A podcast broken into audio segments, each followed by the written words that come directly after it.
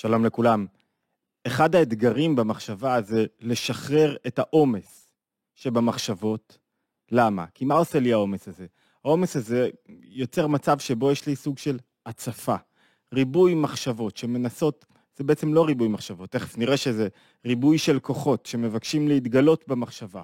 יוצרים אצלי סוג של עייפות, חנק, חוסר מיקוד, חוסר יעילות, אני מרגיש תשוש, אני מרגיש שיש לי כל כך הרבה דברים, רגע, רגע, אני צריך לעצור הכל, הכל, הכל, לשים הכל בצד כדי לנסות להתרכז רגע במשהו אחד, חוסר ריכוז, ו- ואולי אחד הדברים הכי קשים זה חוסר בהירות, אני לא יודע מה, מה נכון, מה לא נכון, לאן ללכת, אם אני צועד נכון, גם בדברים הקטנים, הפשוטים, הפעולות הפשוטות, ריבוי מחשבות גורמות לי לא להיות ממוקד, אנחנו קוראים לזה, אני מזכיר שוב כרגע ריבוי מחשבות, אבל זה לא בדיוק ריבוי מחשבות. זה אותו מנגנון של מחשבה אחת כל פעם, אלא שמה שיש ריבוי של כוחות שמנסים להשתלט על המחשבה ומנסים אה, להכווין אותה ולנהל אותה. אבל התחושה שלי היא של עומס, לאות במחשבה. באמת איזה משקל, כובד משקל שיש לי כאילו בעולם המחשבה, וקשה לי להתרכז, קשה לי להתפקס, קשה לי להיות יעיל, קשה לי לדעת לאן אני לוקח את עצמי, וצריכים לנטרל את העומס הזה, להוריד, להפחית אותו. איך מפחיתים עומס? דיברנו בעבר, באחד הסרטונים, אני אכניס לינק כאן למטה בתוך הוידאו, דיברנו בעבר על אה, עומס רגשי. אמרנו, מה זה עומס רגשי? עומס רגשי בפשטות, מי ששמע כבר מכיר, הנקודה היא שהרגש אחד מסוים מבקש להשתלט לי על הנפש. ולכן ביהדות הרגשות נקראים מידות, ולכן רגש כזה שמנסה להשתלט על הנפש הוא יוצא מגדר מידה, הוא לא מדוד, והוא מבקש עכשיו להשתלט על כל החלל, להיות ככה זה נקרא, אנא אמלוך. כוח, מידה בנפש, שרוצה למלוך על הנפש, לשלוט בי ולהכווין אותי. וזה יוצר עומס מאוד גדול, במקום תנועה הרמונית של הנפש, תנועה לא הרמונית. תנועה של כוח אחד מאוד דומיננטי. דוגמאות רווחות זה מכעס ועצבות וחרדה. כל מידה דומיננטית שמשתלטת על הנפש עכשיו, היא בעצם יוצרת אצלי עומס רגשי מאוד גדול. לכן אנחנו מרגישים מאוד חזק שאני סובל מסטרס או מרגש לא רצוי, שיוצר אצלי עומס, שיוצר אצלי עכשיו איזו תעוקה גדולה, אני סובל מזה ואני מרגיש את הזמן הזה היטב, והזמן לא עובר לי, וזה מגיע לכאב גופני ממש. לעומת זאת, רגש שיודע להתנהל בהרמוניה, להתקלל עם רגשות אחרים, נע בכזאת קלות, כזה קל לי, הזמן עובר, אני מרגיש שהוא לא מעיק עליי. זה עומס רגשי. דיברנו בו כמה פעמים, מה זה עומס במחשבות? איך זה נראה עומס במחשבות? בואו נלך עכשיו לראות איך העומס הרגשי ניכר במחשבות. לשם כך אני רוצה להחזיר אתכם למשל, שהשתמשנו בו בתוך הסדרה הזאת. אני מזכיר שאנחנו בתוך סדרת ניהול המחשבות, כיצד לנהל את המחשבות, או המדריך לניהול המחשבות. אנחנו בפרק החמישי, והמטרה של הסדרה היא להבין מה קורה לנו במחשבות, ולמה חשוב לנצל מספר כלים כדי לנהל את המחשבות, ואני מזכיר לכולם, אנחנו מעלים בהתבוננות יומית, בערוץ שלנו, ערוץ התבוננות בכל יום סרטון על תורת הנפש היהודית, כל יום סרטון על, על החיים עצמם, זה עיקר החיים, על העולם הרגשי, על איך מתמודדים, צוללים לתורת הנפש היהודית ומוציאים תובנות מוזמנים מאוד כדי לחזק אותנו, להירשם לערוץ, לייק, לשתף, אם אתם מוצאים מערך בסרטון. אם אתם לא מוצאים, אל תעשו את זה. בסרטונים בכלל. ואם כן, אז תרדו ותעזרו לנו בכך. טוב, בואו נחזור רגע למשל שהשתמשנו בו לפני מפגש או שניים. המשל היה, תחשבו על מאבטח, שעומד בכניסה למועדון, והוא עכשיו אמור להכניס אנשים למועדון. כיצד הוא מכניס את האנשים למועדון? שתי אפשרויות, בעצם שתי אסטרטגיות, או אסטרטגיה אחת ותוהו ובוהו. מה האסטרטגיה אחת? שיש מנהל למועדון. שאלו אותי מי זה מנהל המועדון? אני המנהל המועדון. אני בוחר. אני מנהל המועדון. והוא מקבל החלטה. איזה אנשים הוא רוצה במועדון שלו. בני 25 עד 35. ולכן כל מי שמתחת לגיל 25 לא נכנס. חבר'ה כאלה וכאלה. הוא מקבל החלטה אסטרטגית, איך הוא רוצה שהמועדון שלו ייראה. למי הוא פונה? הוא רוצה בני 18 עד 22, הוא רוצה בני 16 עד 18. הוא מקבל החלטה אסטרטגית. הוא מעביר את ההחלטה האסטרטגית לסלקטורית. אומר לסלקטורית, תבחרי בדיוק את האנשים האלה. הסלקטורית עובדת אצלו. היא מורה למאבטח את מי להכניס ואת מי לא מה להכניס, ולמאבטח לכאורה אין שיקול דעת. ומה שעוד חשוב להוסיף, זה שבכל רגע נתון, רק אדם אחד יכול לעבור. תחשבו על סוג של דלת מסתובבת כזאת, כמו שיש ברכבת או באין ספור מקומות, ובכל פעם רק אחד יכול להיכנס בדלת המסתובבת הזאת. אנשים יודעים, מבינים את המדיניות, אין זליגה, אין סטייה מהמדיניות, כולם יודעים, אין התפלחויות, כולם יודעים, מי שמגיע לו, מי שמתאים, עומד בתור, יש אפילו סדר מסוים, יודע שיגיע התור שלהם, המאבטח יכניס אותם. והוא יודע שאם הוא לא עומד במדיניות של המועדון, הוא לא ייכנס. אסטרטגיה אחרת, או דרך אחרת שבה נכנסים למועדון, שהמועדון זה עולם המחשבות שלי, תכף נראה את הנמשל. דרך אחרת זה מה? זה שהמאבטח עומד בכניסה. הוא לא כל כך שמע מהסלקטורית את מי להכניס את מי לא, והסלקטורית בכלל חברה שלו, והסלקטורית בכלל, המנהל מועדון לא התווה מדיניות. למה? כי הוא רוצה להתפרנס, לא אכפת לו כמה שיותר ייכנסו. אז מה הם עושים? אז הסלקטורית ראתה איזה חברה שלה, בואי בואי בואי תיכנסי. אז הוא ראה איזה מישהו, בוא בוא תיכנס. אז מישהו אחר נתן לו איזה 100 שקלים, שם לו בכיס כזה כדי שיכניס אותו. אז הוא מכניס אותו ראשון בתור. ככה כל אחד מוצא את האנשים הקרובים אליו, או משהו שמעניין אותו, או מישהו שנראה לו, או מישהו שנמשך אליו, או מישהו שיש לו איזה אינטרס כלפיו, מכניס אותו למועדון. מאחורה, כשפתאום רואים שהתור הוא לא תור ואין סדר, מה קורה? מישהו רואה, רגע, רגע, רגע, אם אני, אם הוא הכניס 50-100 שקלים למאבטח לכיס ונכנס, קיצר לו את התור למועדון, אולי גם אני אשים לו 120 שקלים להיכנס למועדון, אם כל כך חשוב לי להיכנס למועדון. או שאולי אני במקרה מכיר את, המאבט... את הסלקטורית ואת המאבטח, ואולי במקרה איזה מילה קטנה, אז אני חותך את התור. הולך, אחי, מה שלומך? אתה לא זוכר אותי? אני בן דוד שלך, חבר של בן דוד רחוק שלך. מה קורה? נהיה מצב שבו הרבה אנשים פתאום צובעים על דלת הכניסה המסתובבת של המועדון, אין יותר תור ברור, ויש סדרה של אנשים שכולם רוצים להיכנס למועדון. מה זה אומר לנו בפועל? נלך רגע לנמשל. אותו דבר בדיוק. המחשבה הם כמו המאבטח של כוחות הנפש. הם מכריעים איך כוחות הנפש יתגלו. והייתה הרבה סערה, היה לנו שיעור השבוע על, על אה, מחשבות וחרדות, והעלו הרבה שאלות, השיעור נמצא בתוך אתר התבוננות, והרבה אנשים שאלו, רגע, יכול להיות, אחד החידושים הגדולים ביותר של תורת הנפש היהודית שנגענו בה, זה שמה שלא בא לידי ביטוי במחשבות, בעצם קשה לו מאוד להשתלט לי על הנפש. הדרך להשתלט על הנפש, כלומר, על חיבור של הנפש עם הגוף, לא רק על הנפש, עוברת דרך המחשבות. כוח מסוים לא יתגלה במחשבות, הוא פחות משפיע עליי, פחות שולט בי. הוא ינסה בכל דרך, הוא ממש ינסה, זה ממש סוג של, של, של צד אחר שמנסה כל הזמן להיכנס למועדון, להתפלח למועדון. ברגע שהוא יודע שאין לו סיכוי, הוא נחלש. מה קורה לנו? ברגע שאין מדיניות, מה נכנס למחשבות? כיצד? המאבטח לא עומד בכללי מדיניות כלשהם. הוא מכניס את החבר שלו ואת החברה של ההיא ואת הדודה ואת החברים, מי שהוא ראה ומי שנתן לו כסף וכולי וכולי וכולי. המחשבות מפוזרות. ואז כל כוחות הנפש הרצויים והלא רצויים צובעים על הדלת, כולם רוצים להיכנס. הדלת המסתובבת חורקת, היא מכניסה עדיין רק אחד, כל פעם, זה לא יעזור כלום. כל פעם רק אחד נכנס. אבל נהיה פה עכשיו תוהו ובוהו. הדרך הראשונה זה דרך של תיקון, דרך נכונה, וכולם רואים כשיש תור, נכון, כשכולם יודעים שיש כללי סדר וכללים נכונים באופן שבו מתנהלים הדברים, אף אחד לא מנסה לעקוף את התור. כשרואים שמישהו אחד עקף את התור וזה יתקבל באיזושהי סלחנות, פשט, מתחילים כל התור להתכווץ, ואז נהיה כולם על הדלת כניסה של המאבטח, הוא כבר לא יכול לברר, הוא כבר לא יכול לבדוק את מי הוא מכניס. הוא מאבד שליטה. בעצם הוא לא נשמע למדיניות. מה זאת אומרת הוא לא נשמע למדיניות? הוא לא נשמע לאדם עצמו, שהוא בוחר, לכוח הדעת שלו. אני כבר לא בוחר את מי להכניס ואת מי לא.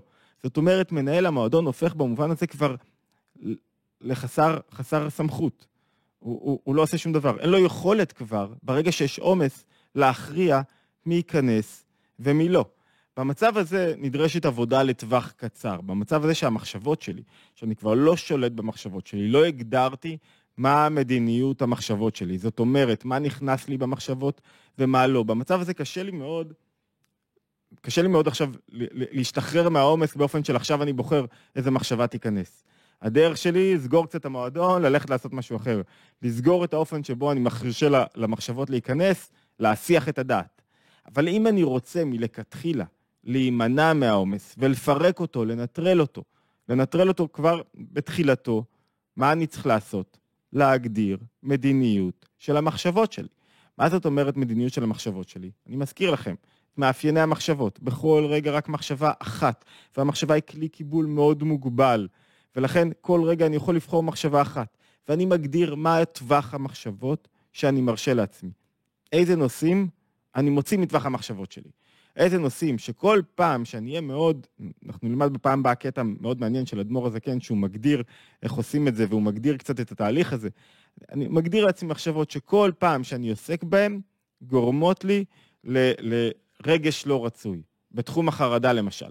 כל לוח המחשבות של מה חושבים עליי פה, ואיך אני נראה, ו- ומה, ומה יקרה אם מישהו יפנה אליי ואני לא יודע לענות לו, ומה יקרה אם ירצו להעלות אותי לבמה, ואיך רואים אותי.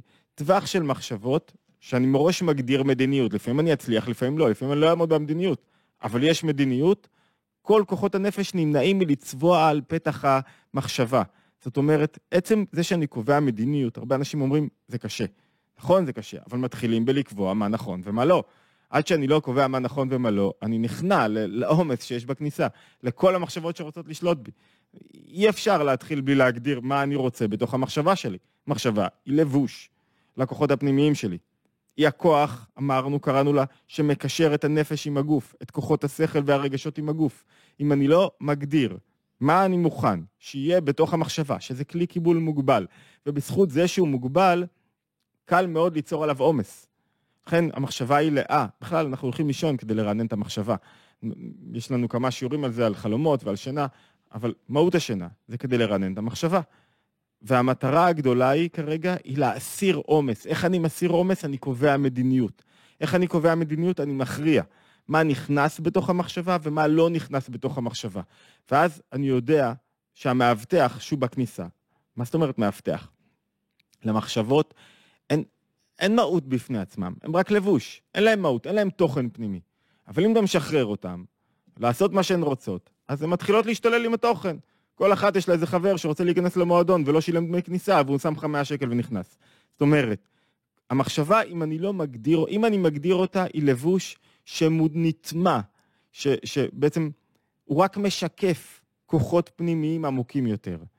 אם אני לא מגדיר אותה, אם אני לא מגדיר לה את מדיניות העבודה, את קווי העבודה, את, ה, את המגבלות שלה, לאן אני מרשה לעצמי לחשוב ואיפה לא, אז היא, אז היא הופכת להיות חצי בעל בית. היא שוכחת בכלל שהיא עובדת אצל, ה, אצל המנהל המועדון, שזה אני, שזה כוח הדת. ולכן נוצרות, נראה בהמשך, סדרה של מחשבות לא רצויות, כמו מחשבות זרות, טורדניות, מחשבות שעוזקות אותי וכולי וכולי. אז מה, איך קובעים מדיניות? עם זה אנחנו מתחילים, זה התרגיל, ואני אשמח מאוד אם תשתפו אותנו כאן בתוך התגובות, אני מבטיח, אני נכנס לתגובות ועונה עליהן אחת-אחת. אנחנו, קחו דף נייר, חלקו אותו לחצי. צד אחד, מחשבות, להתחיל לברור לי את המדיניות. מחשבות לא רצויות, שגורמות לי היזק בנפש. צריך להתחיל להשתכנע במדיניות שלי, אין מה לעשות. יש הרבה אנשים, נגענו בחסם הזה, הרבה פעמים אנשים לא מתירים לעצמם לשחרר מחשבות לא רצויות, כי הם משכנעים את עצמם ש... ש... אני לא יכול, אם, לא, אנשים לא יבואו למועדון שלי. אנשים לא יבואו למועדון אם אני לא אגדיר איזה מחשבות כן ואיזה לא. זאת אומרת, הם אומרים לעצמם שסלקציה בכניסה יוצרת הדחקה בנפש. וזה בדיוק הפוך. אתה צריך לקבוע איך המועדון ייראה.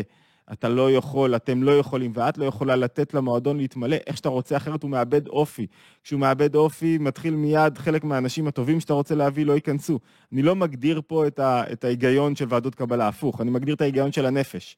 כוחות מסוימים, נכונים, בנפש לא יצליחו לבוא לידי ביטוי, כי יהיה המולה, יהיה כאוס, יהיה חוסר סדר, לא תדע את מי אתה מכניס, לא תדע לשווק נכון, לא תדע ליצור מדיניות, אותו דבר בנפש.